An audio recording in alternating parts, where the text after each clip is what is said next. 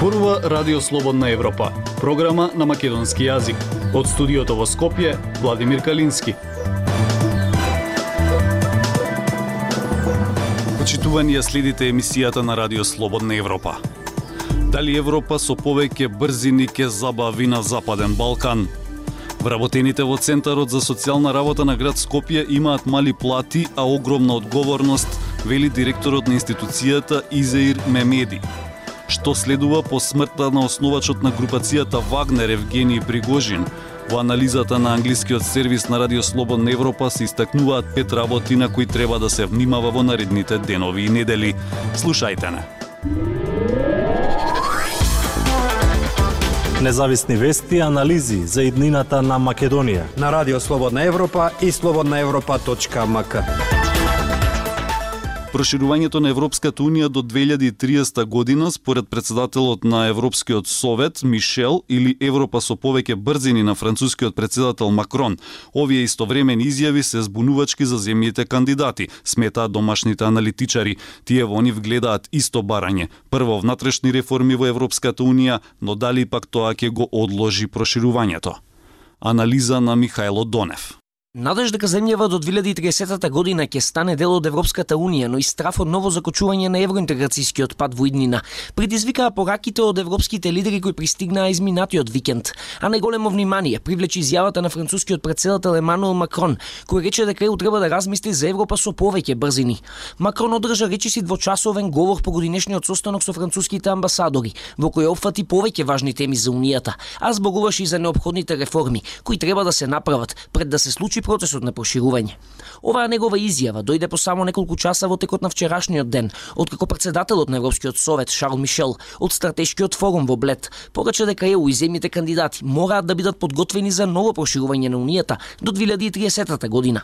Поранешниот вице-премиер за евроинтеграција во земјава Васко Нумовски оценува дека изјавата на Макрон е во контекст на предпазливост од внатрешните промени кои доаѓаат со проширувањето на Унијата, па вели дека може да се свати како повик за ново одложување на процесот на проширување на Унијата. Ова релативно нова иницијатива на францускиот председател Макрон е дел од нивната намера да се одолжи политиката на проширувањето и на тој начин да се остави простор за дополнителни внатрешни реформи. Да.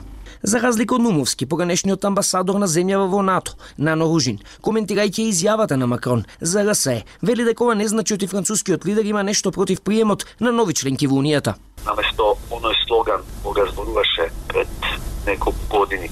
Прво реформи, а потоа проширување, овој пат значи не покажа одредена одредена чувство на анти проширувачки процеси на Европската Унија. И не покажа одреден евроскептицизам. За власта овие изјави значат дека ја отвора врата за ново проширување. Маричи ќе потенцираше изјавата на Мишел како шанса за земјава до 2030 година да стане дел од Унијата, додека за опозицијата спорна е изјавата на Макрон. Тоа е само потврда за она што го говориме, дека нема никакви гаранции, дека дури и да се направат овие отстапки, Македонија ќе продолжи на патот кон неу. Грешка на нашата власт е што целиот процес го водеше брзоплето и советувања кои сега не може да ги исполни, велат од опозицијата во однос на идејата на Макрон за Европа со повеќе брзини. Покрај пораки на Блецкиот стратешки форум каде учествуваа и наши функционери, одново беше истакнат променетиот став на позициите на Бугарија кон Северна Македонија, па така бугарскиот премиер Николај Денков рече дека она што и останува сега на Бугарија Бугарија е да се очекува Северна Македонија да ги исполни обврските преземени во преговорачката рамка. За да се изгласаат уставните измени во собранието пак, потребно е двотретинско мнозинство, односно 80 партеници да гласаат за. Радио Слободна Европа, светот на Македонија. Вработените во Центарот за социјални работи имаат мали плати. Дел од вработените работат во катастрофални услови, а имаат огромна одговорност, вели Изеир Мемеди, директор на Меѓуопштинскиот центар за социјална работа на град Скопје. Тој вели дека работи на тоа вработените да имаат добри услови за да може и граѓаните да бидат задоволни. Со Мемеди разговараше Пелагија Стојанчова. Директоре Мемеди, вашата институција имате вие широк, широки надлежности. Имате ли бројка колку луѓе се корисници и која група е најголема? Вкупна бројка на корисници на разни услуги и поддршка на ЕУ МЦСР на крајот од првата 6 месечина од 2023 да, година изнесува околу 54.736 лица од различни категории. Најголем број на лица кои користат помош од нашата институција се лицата кои користат туѓа нега и тоа бројка околу 10.000 и 900 и нешто лица но голема бројка и кај лица што примат гарантирана минимална помош. Па лицата кои примат образовен додаток, лицата кои добиват додаток за трето дете, детски додаток, мобилност и други категории на граѓаните. Околу 18.000 граѓани примат социјална помош. Ви недостига ли кадар? Да, недостига кадар овде, дури тоа може и околу 100 вработени не достига. За жал, кога сум дошол, ја околу 5-6 вработени дури да дадал отказ. Да дадаш отказ на ова време, значи дека веќе ти се стемни од институцијата и од работата што го прават. Тука многу обемна работа има од сите градови ни доаѓаат предмети. Може еден вработен да има 60 до 70 предмети. Има многу недостаток на кадарот, но јас се трудив во тек месец со, имам огласите што се ми се во тек, околу 56 нови вработувања чекам да ми се одобрат. Нема да го постигнам пак бројката, зашто да, уште толку околу 100 и нешто фала тука. Повише ми фалат психолози, педагози, социјални работници, најдам така. да работат тука, со оглед дека знаеме дека платите во администрација. За жал и на овој дел сум се трудил многу, зашто еве во теки колективниот договор што до сега никој не го прави центарно нема колективен договор, нема дури и синдикат нема. И тоа веќе пред крај сме со добро разбирање со министерката, мислам дека за скоро ќе го подпишеме, подпишавме и колективниот договор. Тука се влезени и покачување на платите, зашто обемна работа што го прават вработените, жалам, свано жалам за платите што ги имат, па и условите што ги имат. Затоа од кога сум дошол првиот ден ги видав, ги шетав и центрите, на какви услови работат. Тоа првото нешто што ќе помислите да. на центри за социјална да. работа, на луѓето има оние старите бараки. Старите бараки тоа пред 56 та година таму, не знам никога, на такви услови да работам на 21 век, на таква обем на работата, основните работи да не ги имам. Јас сварно се гордам со тие вработени како доаѓа на работата и со таква проблематика што овде носат, таква одговорност носат, а никој не ги брани, за жал. Актуелности свет на Радио Слободна Европа. Неколку дена откако патничкиот авион поврзан со Евгений Пригожин се урна северно од Москва, се уште не е целосно позната судбината на основачот на групацијата Вагнер, додека повеќето наблюдувачи предпоставуваат дека Пригожин е мртов, некои аналитичари на Кремљ чекаат некој вид дефинитивен форензички доказ за неговата смрт. Марија Тумановска Председателот Владимир Путин на 24 август сугерираше дека Евгений Пригожин е мртов, зборувајќи за негово минато време, подсетувајќи се на нивниот прв познаник во Санкт Петербург и упатувајќи му комплименти за неговата способност. Додека повеќето наблюдувачи предпоставуваат дека Пригожин е мртов, некои аналитичари на Кремљ чекаат некој вид дефинитивен форензички доказ за неговата смрт. Радио Слободна Европа нагласува пет работи на кои треба да се внимава во наредните денови и недели. Прво, Путин ќе биде послаб или посилен, иако Кремљ негираше вмешаност несреќата за која властите велат дека загинале сите 10 луѓе, се споредува со мафијашки филм. Заканите за Путин остануваат, растат со мнежите меѓу руските елити за неговата одлука да ја нападне Украина и начинот на која води војната. Се очекува Путин да добие нов 6 годишен мандат на изборите во март, но неуспесите во војната и неизвестноста за еднината може да ја направат кампањата потешка отколку што се надеваат. Второ, што е со специјалната воена операција. Вагнеровите трупи на Пригожин одиграа многу видлива и критична улога на бојното поле на неколку локации во Украина во текот на изминатите 18 месеци.